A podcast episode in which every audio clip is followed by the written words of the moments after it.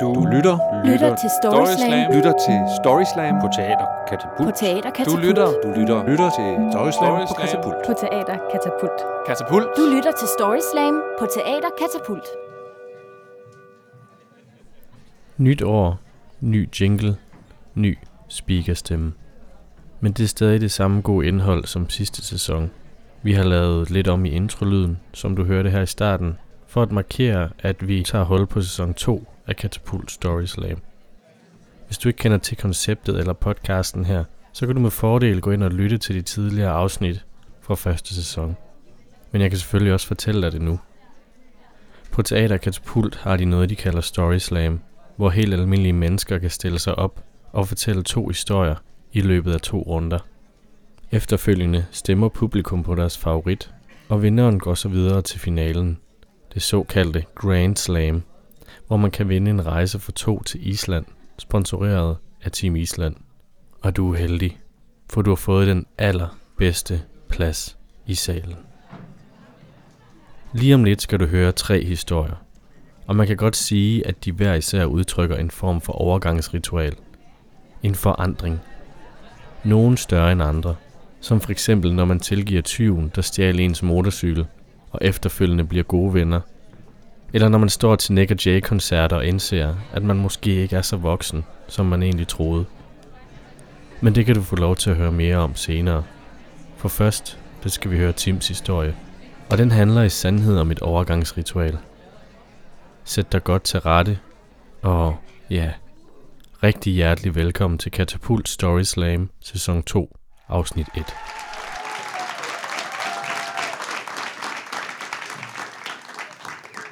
Mit liv er gået i stå. Det gør det jo en gang imellem, det der liv.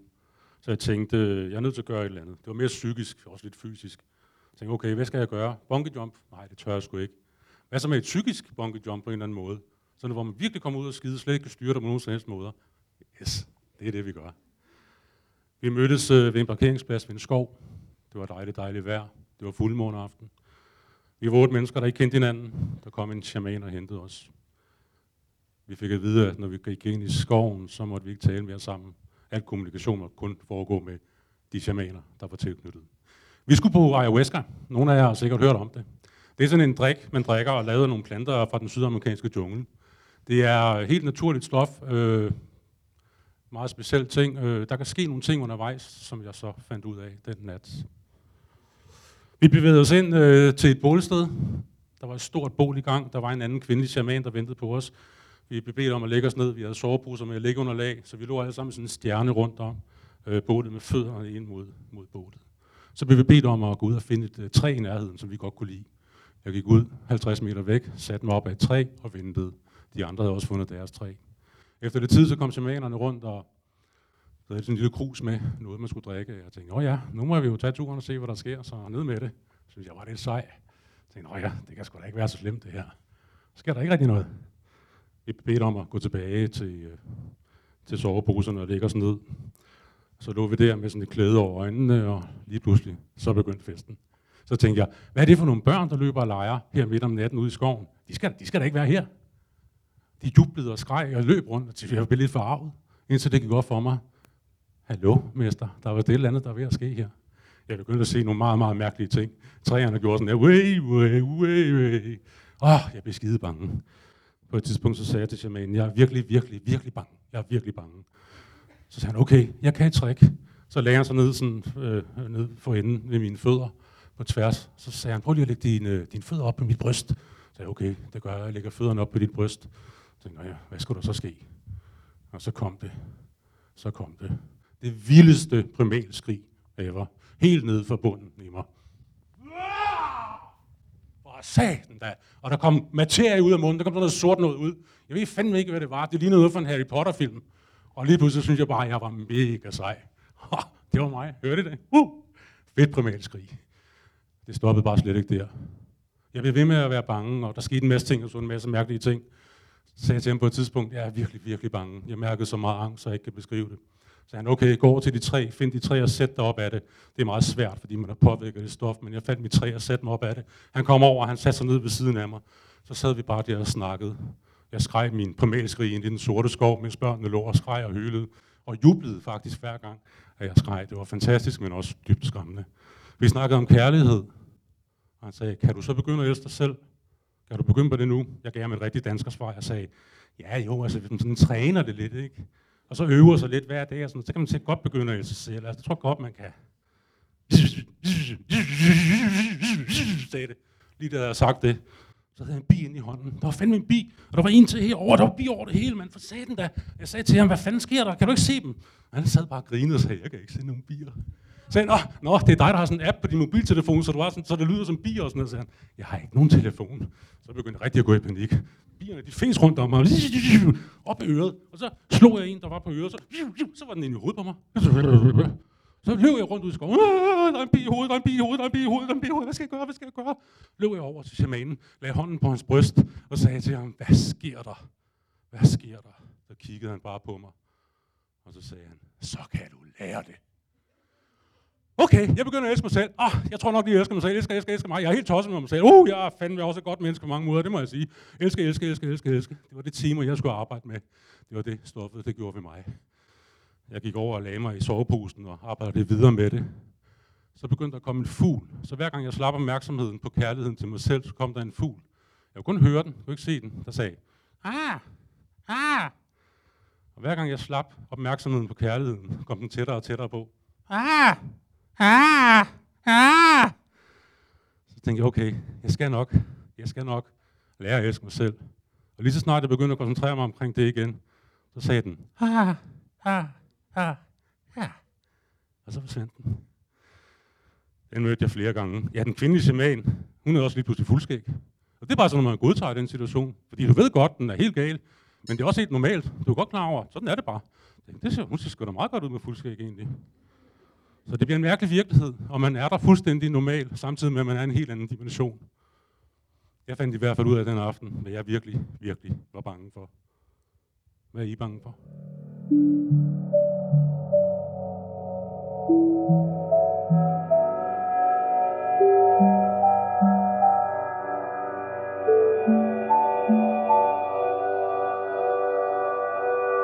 Det lyder som om, det var noget af en oplevelse, Tim havde i skoven. Jeg kan ikke lade være med at forestille mig en masse mennesker i en skov, der tripper på en bryg. Tænk, hvis man forvildede sig ind i den skov helt ædru. Men uanset hvad, så lød det som om, det var en meget sund oplevelse. Man skal ikke tage det for givet, det der med at elske sig selv. Heller ikke, hvis det kræver, at man indtager en drik, der er brygget på peruvianske rødder. Men i den næste historie handler det mere om, at man skal lære at tilgive. Ikke bare sig selv, men også sin næste. Også selvom denne person har gjort noget skidt. Så når Jes får stjålet sin motorcykel, så reagerer han som et hvert andet moderne menneske gør. Han i gang sætter en viral kampagne. Eller det gør han ikke, men det er i hvert fald det, der sker, når han lægger et billede op på Facebook af de to 20 knægte. Det er en historie om tilgivelse og venskab. Og nu skal jeg nok tige stille. Her er Jes. Jeg har fået en øh, etnisk ven, og øh, ja, jeg har haft lidt, jeg har gået og kigget, og det har jeg haft lidt brug for faktisk. Jeg er jo så gammel, at øh, jeg har aldrig gået i klasse med en, øh, en etnisk øh, person. Det var ikke opfundet, dengang jeg gik i skole, og øh, det mest eksotiske, vi havde, det var en lille tyk dreng fra Ribe. Men øh, den ven, jeg har, det, han hedder Omar, og han er en 16-17 år, går i skole øh, ved siden af der, hvor jeg bor. Han øh, pirker fra 9. klasse i øjeblikket, og øh, kommer gående sammen med sine kammerater, og, og sådan udfordrer mig lidt, i hvert fald før vi kendte. Så hvad så gik ned og sad nede ved det lokale supermarked, og sagde, ah, har du kun en Rema 1000? Jeg har en Rema 2000 ude i Bazaar. Ja, det er okay. Men øh, grunden til, at jeg kender ham, er, at han, øh, at han stjal min motorcykel her i, i sommer, og øh, jeg lå og havde lige, øh, fik en morfar der om, øh, om eftermiddagen i dejligt vejr, og, og vågnede ved, at naboen bankede på døren. Og øh, jeg får op, og naboen siger, de der knejder over for den der skole, de er lige løbet med din motorcykel. Åh, gammel motorcykel, ikke noget værd. Øh, 1983, lidt slidt, men alligevel, jeg løb simpelthen ned af gaden i boxershorts, tynde ben, hjemmesko, for at få fat i dem. Og øh, de var væk.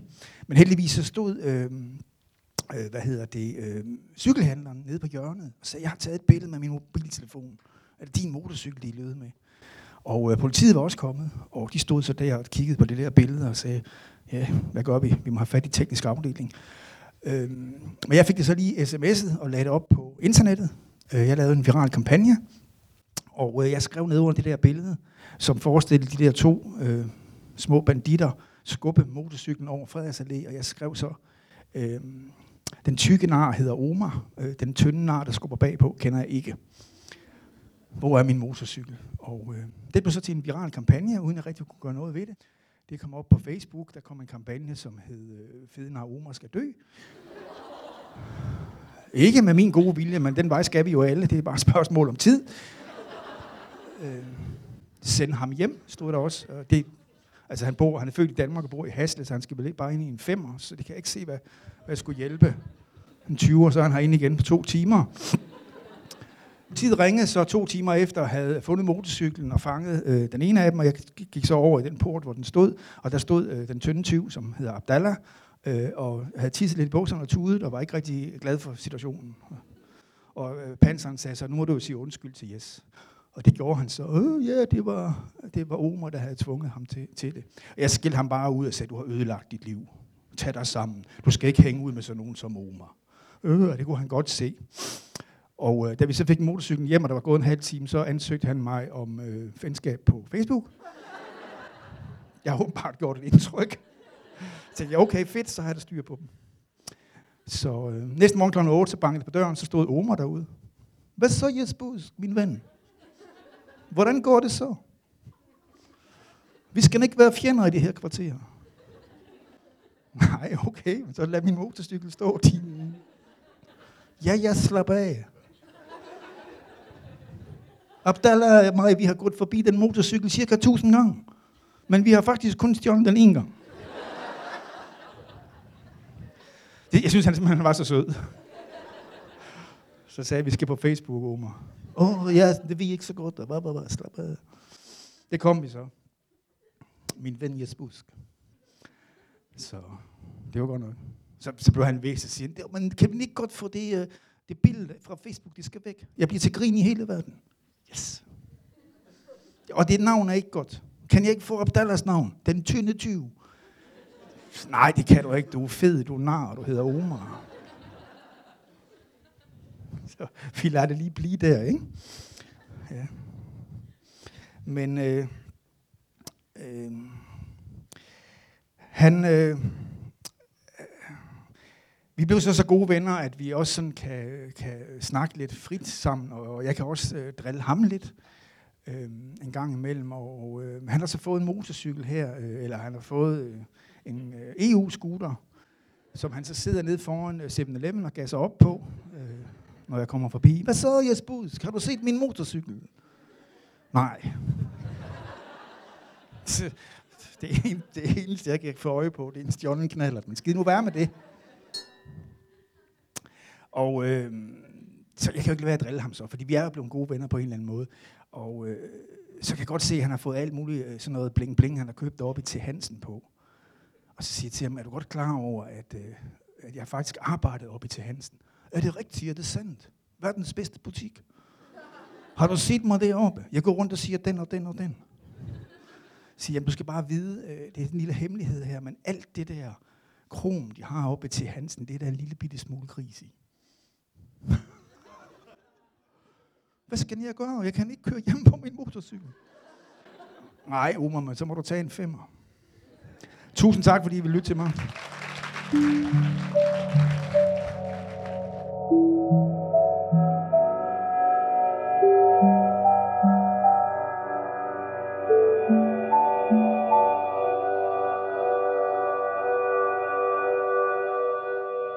Fra peruviansk hallucinationsdrik til besynderlige venskaber.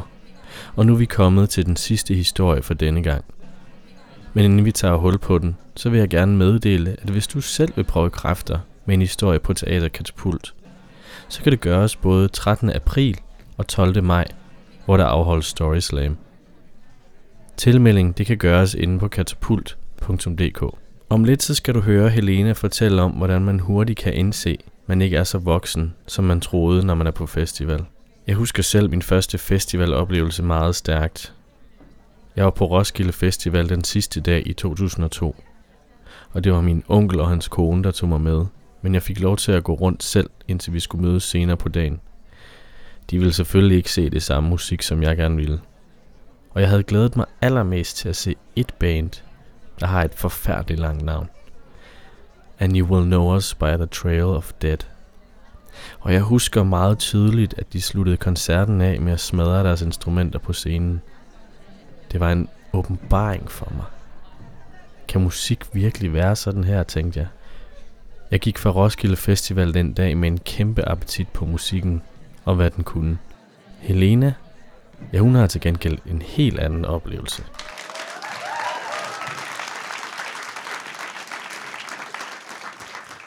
Da jeg gik i 8. klasse, der blev jeg inviteret til Langelands Festival af min veninde Laura. Øh, jeg har aldrig været på festival før på det her tidspunkt, og jeg synes, det lyder ret sådan spændende, og man er nok også lige i en alder, hvor sådan noget er lidt ekstra spændende. Øh, jeg skulle så til at overtage min far om at få lov at komme afsted, øh, og det klarede jeg sådan set meget godt, fordi at jeg har altid været, øh, i hvert fald i hans øjne, et meget fornuftig lille pige.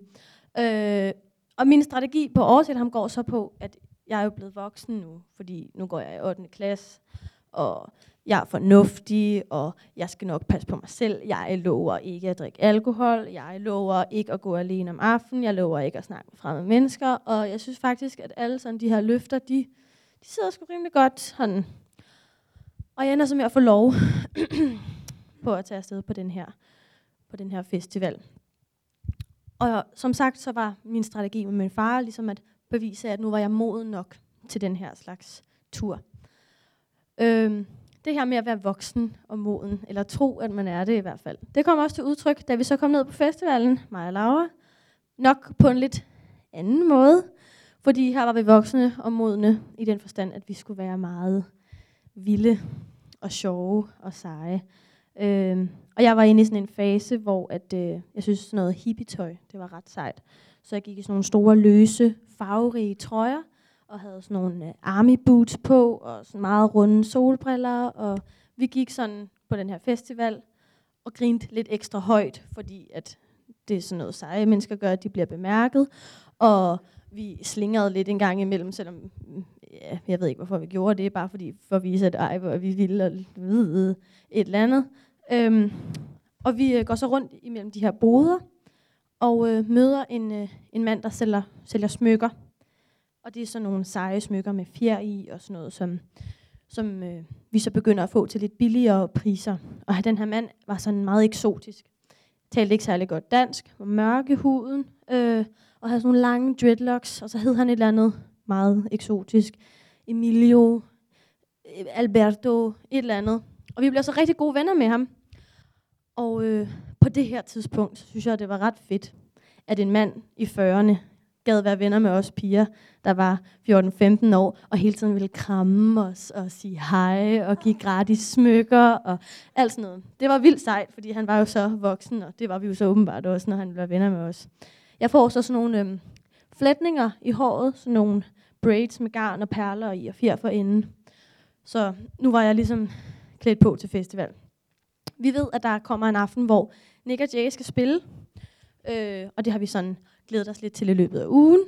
Øh, og vi begynder sådan at joke lidt med Nick og Jay. Altså vores generation har jo sådan en idé med Nick og Jay. Det er sådan lidt en running joke, fordi at vi hører det, vi danser til det, vi spiller det til festerne, men det er jo ikke fordi, vi synes, det er sådan god musik. Det er mere bare fordi, at de altid har været der. Øhm, og de har lige udgivet det her album på det her tidspunkt, hvor de synger noget med artiskokker, og de er så sultne, de kunne æde en motherfucking hest, og alle de her mærkelige tekster, som vi gør ret meget grin med. Og det synes så gør vi meget grin med sådan, jeg ved ikke hvorfor, men deres rigtige navne, Niklas og Jannik, som vi hele tiden refererer til i løbet af den her festival.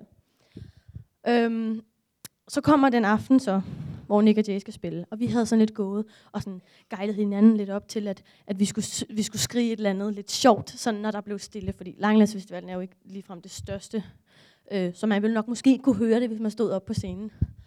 Og vi står så til den her fest, øh, eller festival, og, og hører musik, og som sagt føler os ret voksne og sådan seje, fordi vi er her på egen hånd.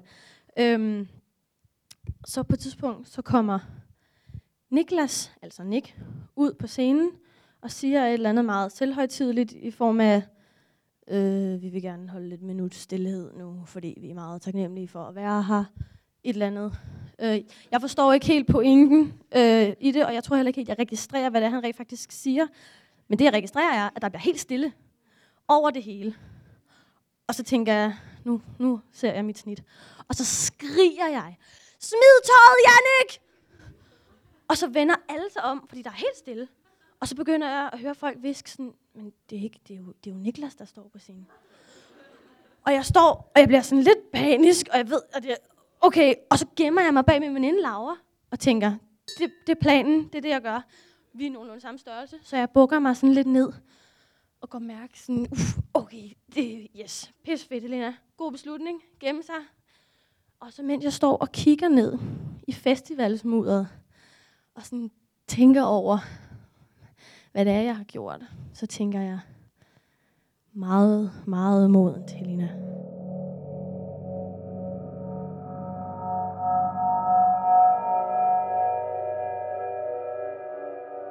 Og med de ord kan vi med ro i sjælen slutte det første afsnit i sæson 2 af Catapult Story Slam.